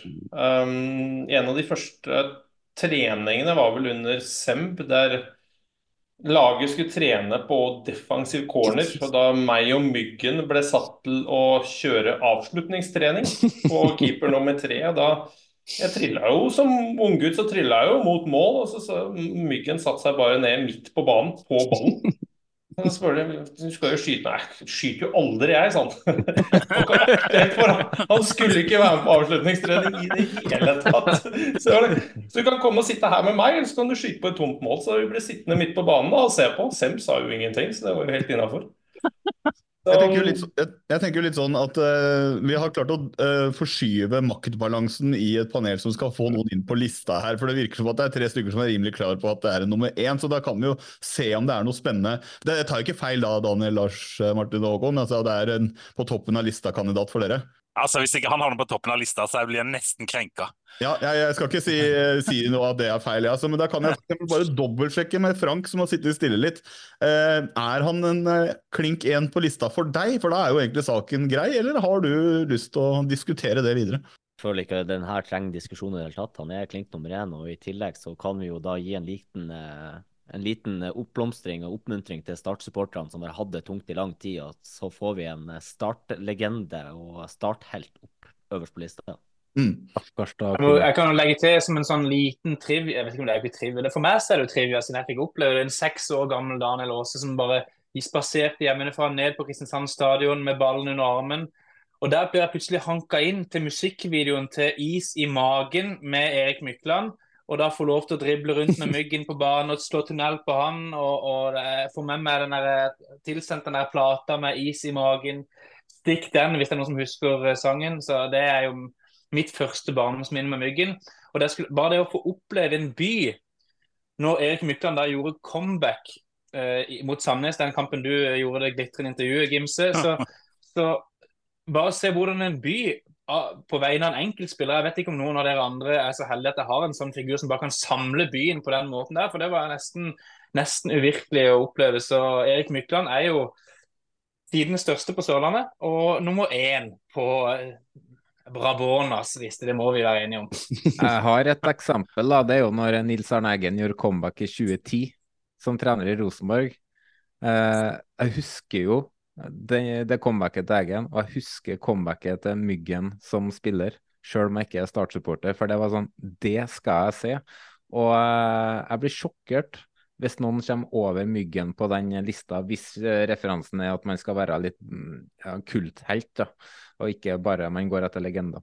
Erik Myggen Mykland, klink nummer én. Det har vært mye kaos og triste stunder og rådvillhet i og rundt start om dagen. men dere har i hvert fall denne. Eh, en av, om ikke den største helten, klink inn på førsteplass på retrolista vår. Eh, det er jo en positiv eh, note å slutte på, det, eh, på, på startsegmentet. Vi har nådd enden på det vi har planlagt for det. Da kan jeg starte med å takke dere gjestene Håkon, Lars Martin og Daniel for at dere har satt av tid til å både opplyse, opplære og gi oss et større innblikk i det som har vært og det som kommer. Så tusen takk for, eh, for det. Bare, bare, hyggelig. Så får vi håpe det blir litt hyggeligere å følge Start etter hvert. Det tror jeg nesten eh, de aller fleste i Norge kjenner litt på, at det, det, det, eh, at det er litt det samme. Frank?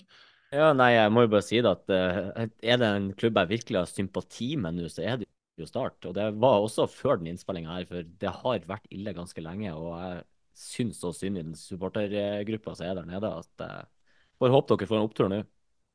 Det får vi gjøre, bare ikke på Syden 2-0. Eh, bortsett fra opptur økonomisk, eller hva, Daniel, når vi inntar deres by. Nei, Jeg gleder meg veldig til å besøke Sørlandet og Kristiansand igjen. Jeg var der eh, i 2005, eh, og det har ikke vært der siden på fotballtur. Gleder meg veldig til tur der, men jeg kan stille meg bak Frank og ønsker dere som følger og er glad i Start, masse lykke til med tida som kommer. Det blir spennende å følge. Inntil videre, eh, om vi trenger noe startspesial, så takker jeg for laget. og Takk for i dag, og en god kveld videre. Takk. Og jeg må få lov til å avslutte som jeg alltid gjør. Heia Start. Det skal du få lov til.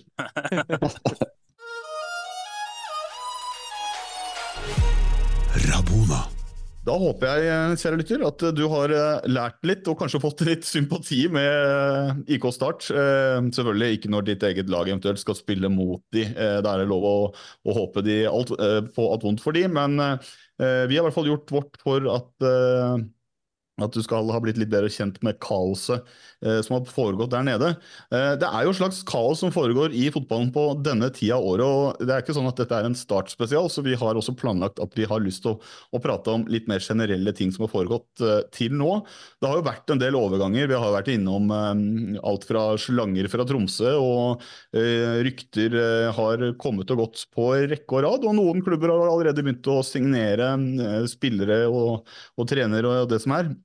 Eh, derfor eh, så har eh, Frank prøvd å ja, fange opp det viktigste som har skjedd på den biten. Nå skal vi se litt på det, og litt rykter og sånn, og bare ta en liten runde på det. Og så var det vel kanskje også noen spørsmål angående overgangsvindu, så vi får se. Men anyways, Frank.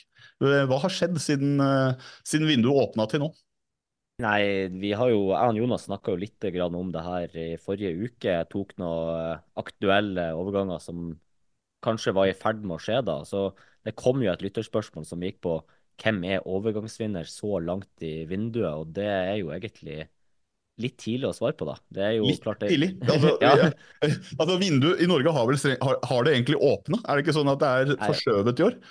Åpna 1.2, ja. Så, ja bare, du, kan jo, du, kan jo, handle spillere og få uh, goodwill til å få dem til å komme og trene med deg, men du er jo faktisk ikke på papiret spiller for din nye klubb før 1.2. Så ja. Men det er litt har... annerledes. så Vanligvis så åpner vel det 1.1, og så har det vart fram til 31., men nå er det en litt sånn forskjøvet variant. da. Mm. Ja, det er jo fordi at de skal ha et lengre vindu om sommeren nå. Så fordi at du har så så lange lang tid du har lov til å åpne vinduet. Så Norge har rett og slett forskyva vinduet fra et lengre sommervindu. Sånn at, sånn at f.eks. en klubb som Brant, som solgte seg eh, ut av en medaljekamp eh, stilig i sommeren, ikke fikk henta inn Ja, de, de, de solgte seg egentlig bort fra gullkampen for tidlig fordi at de solgte masse spillere, og så må det gå en måned før de får kjøpt spillere. Så det er vel litt av det som er tanken til NFF med å flytte vinduet, da. Veldig god løsning, da. Ja, jeg, jeg, jeg, eh, tror jo, jeg, tror jo, det er fornuftig, for jeg tror jo ikke det er så veldig mange klubber som sitter og er sånn eh, dritsekk at de selger en spiller eh, Si nå er vi 15.-16. januar, at de selger en spiller nå mens sier nei, du må være her i to uker. Du får ikke fære til din nye arbeidsgiver som du skal signere med 1.2. Så det er jo ja, Det er jo bare Glimt da, som, eh, som gjør det. altså, alle andre er jo ordentlig hjelpsomme. Men eh, ikke, du, så lenge du ikke kjøper spillere fra Glimt, så kommer dette til å gå helt fint. Nettopp. Og så vet jeg ikke hvor mye vi skal gå inn på alle de aktuelle overgangene. for da blir vi sett på. Kan jo, før vi, før vi går på aktuelle overganger, så kan jo svare på spørsmålet om hvem som er overgangsvinneren. For det, jeg syns det alltid er artig å se litt på hvem er vinneren, og hva er en overgangsvinner. For man har jo litt forskjellige parametere der. Men uh, for å svare på det. Hver dag Bodø-Glimt beholder sine spillere, så er de overgangsvinner. I, mine, i min bok. Og så har de fått en Gaute Helstrup og Jostein Gundersen, så det hjelper på. Men jeg syns jo eh, det ser ut som Haugesund begynner å gjøre et godt vindu, da. Ja, de, har, de har forsterka seg. Det var liksom, når jeg så spørsmålet, sånn, hvem skal vi ta frem som har gjort mye tidligere, da? Så er det det laget jeg tror jeg vil trekke frem nå, da. Så vil veldig mye endre seg i løpet av eh, de neste månedene, da. Apropos Haugesund, eh, vi må virkelig hylle det bidraget av en signeringsvideo eh, som legges ut, som ikke bare er tull og fjas med noe tre kortvokste uh, asiatere som spiller en sang, men det er lagt på teksten fra Markus Solbakken, musikkvideoen, og bare endra det til sin egen som dubbing eller som undertekst. Altså, Jeg lo så mye. Så igjen, Haugesund viser at de er desidert best på å zoome i Norge, og signeringsvideoer, det kan de. Så det må bare hatten av for å fortsette. Vær så snill, fortsett.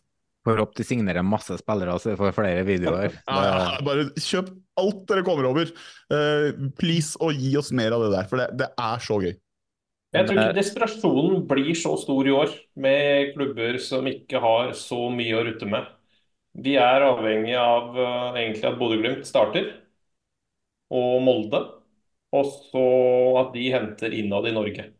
Ja, apropos Molde, så har jo Molde starta eh, å hente en del spillere allerede. Nå er jo han eh, Alvande Roaldsøy, Ro, Roaldsøy ja. uh, Mats Møller Dæhlie og Haldor Stenevik. Og Haldor Stenevik er jo internt eh, i eliteserieovergang, så de har jo begynt eh, handlinga i Molde nå, da. Mm. Og det har jo starta. Det, ja, det som er interessant med det, bare, Jonas, du har jo sagt det før, at du er overraska over den strategiendringen de har gjort med hva de har henta Eh, spesielt etter at de la om eh, formasjonen og sånn.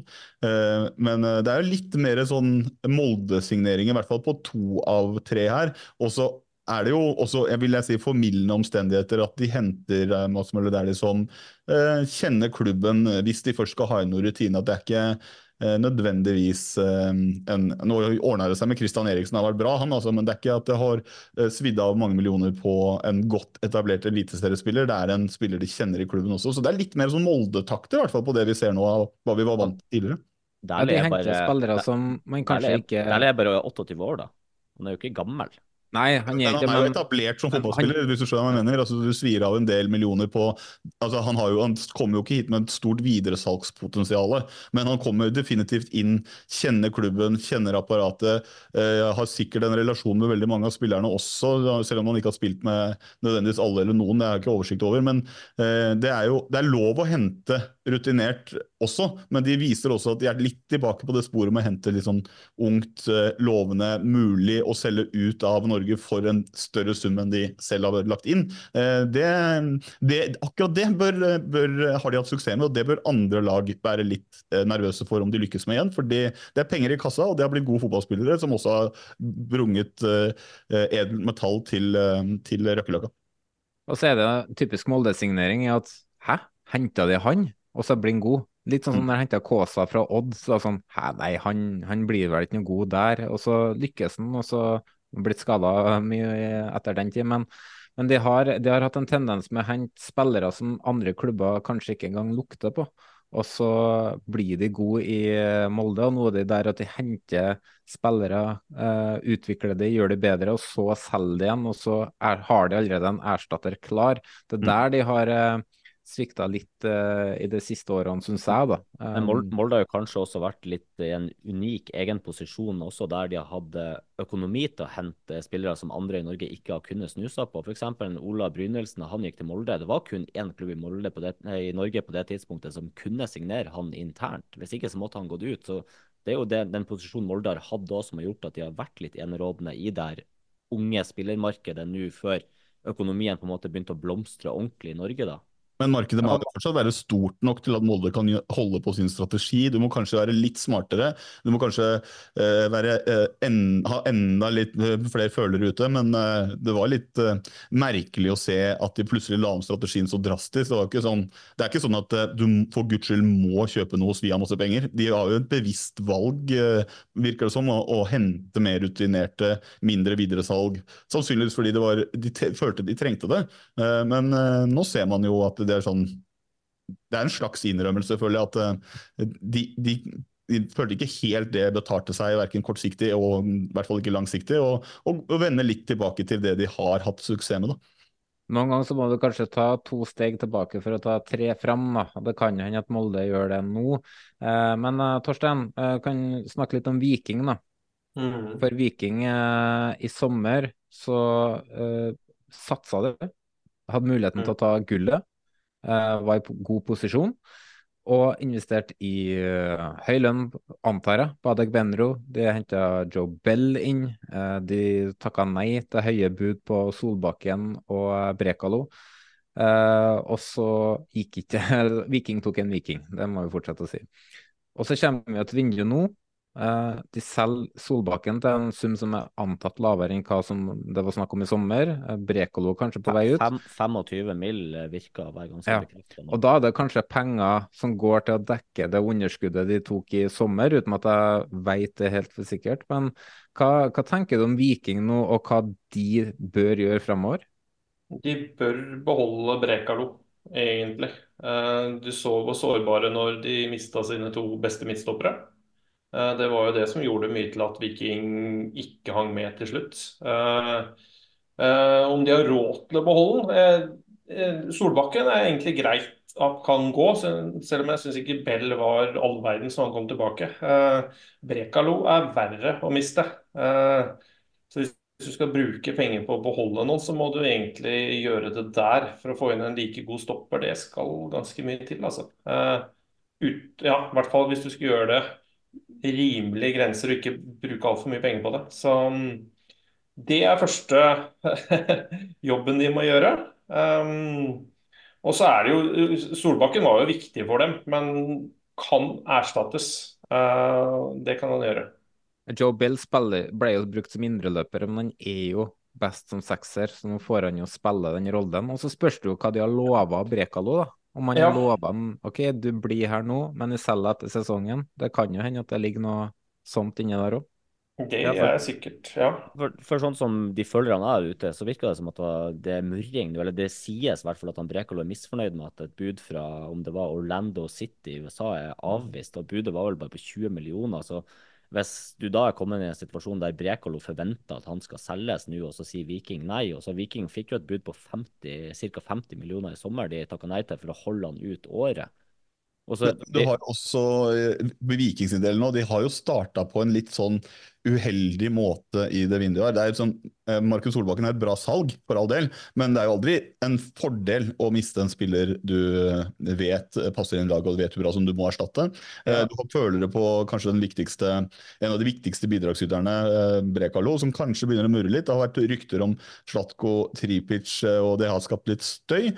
Og så mister du også muligheten, eller klarer ikke å signere Lande Sondre Ørjasæter på bekostning da, eller eh, Sarpsborg eh, signerer han på bekostning av Viking, og så valget sto mellom. Så de har jo fått en litt sånn krokkete start, eller Torstein? Ja, litt krokkete start har de. Eh, men eh, jeg tror nok fokuset er på å beholde, som dere er inne på, Brekolo lengst mulig. Eh, og så kan man heller se hva som er igjen. Men eh, hvis en spiller alle dere også, og jeg kjenner jo til det, hvis det begynner å bli murre, beholde spillere som ikke er fornøyd. Eh, og det begynner Spillere snakker i garderoben, det kommer ut i media. Det er ikke optimalt for Viking hvis det begynner allerede nå uke tre i januar. Eh, så kan det hende at han prøver å presse fram med en overgang allerede de første ukene. Det er noe rart. Hvis det kommer et nytt, forbedra bud, hvis det stemmer det som kommer fra USA, så ja, det er ikke veien å gå, det, altså. Og så er det to ting her, da. Hvis Viking fortsetter å takke nei, så er det plutselig ikke en selgende klubb. Da er det et dårlig signal å sende til potensielle spillere som skal inn til Viking. Det er det klubber som har brent seg på i Norge før. Um, og så uh, skulle jeg til å si at jeg glemte det andre poenget mitt her.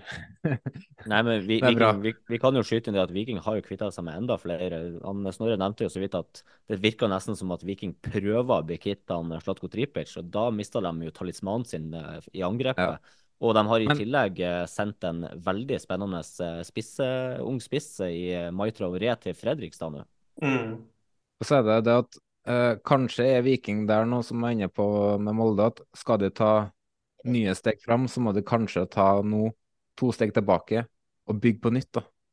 Uh, de har, de, de mister, hvis de mister Brekalo, så mister de en viktig del av grunnmuren sin. De får ikke erstatta Brekalo med én spiller. Da må de gjøre tiltak ellers rundt i elveren for å stabilisere det defensive. Og så vet vi at. Viking var et lag som peisa på fremover i fjor, og hvor han var en uh, stødig defensiv trygghet og, som tok unna mye. da. Um, så jeg tror Viking er nødt til å ta ett eller to steg tilbake. Uh, ta den sjetteplassen, f.eks., og så bygge på nytt for ja. å være i posisjon året etter. Nå skal du skyte inn at Rosenborg går over dem. Ja, både Rosenborg og Viking kan ta både ett og to og tre steg tilbake og ned i Obos for min del. Vi, eh, Frank, kan ikke du bare ta sånn superkort? Det har skjedd en del andre ting eh, klubbhuset har signert. Kan ikke du gi en raskt overblikk over de aller viktigste overgangene som har foregått til eh, eliteserielaget?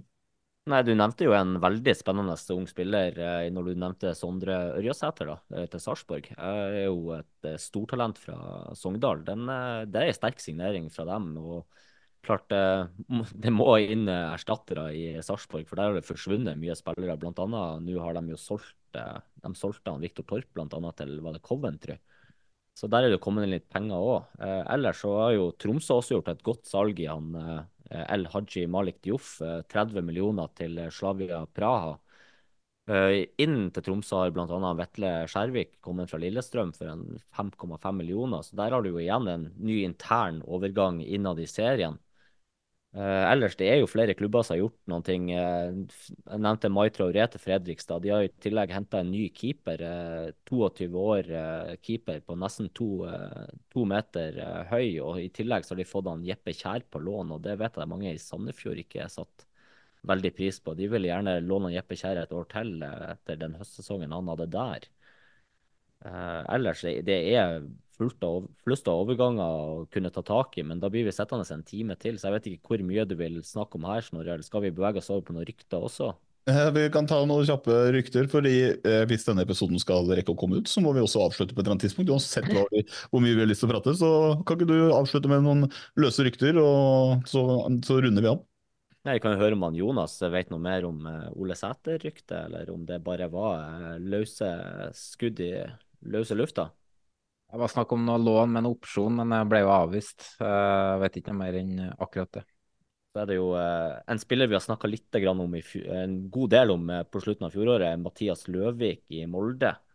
Der er vel ikke per dags dato kommet noen bud, men det er jo noe rykte om tyske klubber, da bl.a. Verde Bremen, som har han på blokka si. Så der kan jo Molde potensielt få et storsalg.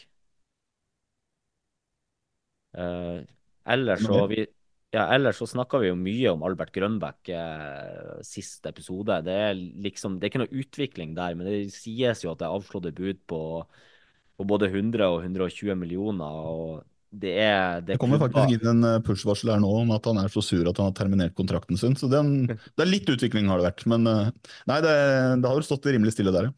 Ja, altså det, men det er jo, nå er det jo flere navngitte klubber på, eh, på interesselista. da. Det er jo Charlotte FC fortsatt, og Napoli, som er den tidligere. Galatasaray har vært kjent lenge. Men eh, det er jo også Leicester som ligger an til å eh, rykke opp til Premier League igjen. Har han visst høyt på lista si, og bl.a. også Lille i Frankrike. Så det kan jo, hvis, hvis Glimt får det rette budet, så forsvinner jo han fort. Eh, Hva tenker du Torstein med Grønbæk, eh, hvis han har fått muligheten til å velge eh, land eller liga å dra til? Hvor burde han, hvor burde han gå? Det er jo Leicester går jo som ei kule i championship. Eh, det gjør det jo. Um, er jo et spillende lag, så det kan jo passe bra. Lill er jo litt sånn som klinger i øret med, med ungt. Og det, der får du mulighet, kan få muligheten til å spille masse. Galatasaray. Det veit du aldri. Det snur fort i de tyrkiske klubbene fra at du er helt inne to uker til at du er helt ute to uker etterpå. Så Nei, Lill kanskje, med fransk toppfotball. Det er kanskje et sånt fint steg videre, da. Det, det er kanskje ikke så dumt. Du kan jo ta med i samme slengen der med Lill at hvis du Grønbekk hadde dratt dit, så ryktes jo også tidligere Vålerenga-spiller Osame Sarawi en overgang dit, hvis jeg leser de laga riktig. Så det kunne vært en artig dobbeltsignering med tanke på eliteserienivå, om det hadde kunne gjort et inntog i Ligue 1, som man så fint sier på fransk. Men det som er så fint, er at vi snakker summer 100, 120, 150 fra Eliteserien. Det er jo det som er det, det, som er det morsomste her. Jeg vet om en svenske oppe på Valle som hadde, hadde klappa seg sjæl på skuldra hvis eh, det hadde blitt eh, noen kroner inn og gjort jobben litt enklere i en ellers tøff tid. Men eh, vi får bare se da, hvor Grønbæk havner, om det blir eh, noe bevegelse på de, noen av de store stjernene i eh, Eliteserien. Eh, vi vet i hvert fall at det kommer til å være mye som skjer eh, fram til vinduet åpner, og ikke minst fram til det stenger igjen. Eh, vi skal følge med, vi skal touche litt på det og prøve å finne ut ting underveis. Eh, men det er egentlig det vi rakk, hvis, eh, hvis, jeg kan få lov til å runde av nå, Jonas. Ikke snakk til meg. Nei, nei, altså, nei, men runde av, for vi kunne snakka om rykter og overganger i lang tid. For det er mye som beveger seg nå. Så det er egentlig oppfordringa er jo bare å følge med, for det skjer mye også i, i den klubben som lytteren har hjertet nærmest. Ja, og så skal jeg oppfordre alle lyttere som hører på, hvis du føler at du, eller hvis du har noe inside-informasjon eh, så det er bare å sende til oss, altså. så skal vi prate om det, vi. Eh, det er greit, det. Men Eh, da var vi ferdig med dagens episode. Eh, med tanke på litt de dystre tidene vi var innom med start, så på to episoder siden når jeg var med, så avsluttet jeg med å lese en tweet som skulle være en oppmuntring til uh, dette med tanke på klubbdrift og, og, sånne ting. og Det tenkte jeg egentlig skulle gjøre i dag, men jeg fant ikke så veldig mye startrelevant. Så det jeg gjør, er at jeg besøker en av våre tidligere gjesters tweeter, og tenker at dette kan du alltid ta med deg hvis klubben din driver som Start, eller i nærheten som Start. Fordi vi skal til uh, tweeten Frank Kåra, årets uh, tweet fra Karina Olsød Hovda, og bare si pikk. Det er tweeten du trenger når ting går som det går i Start. Og med det, kjære lytter, takk for i dag. Vi høres om ikke så lenge.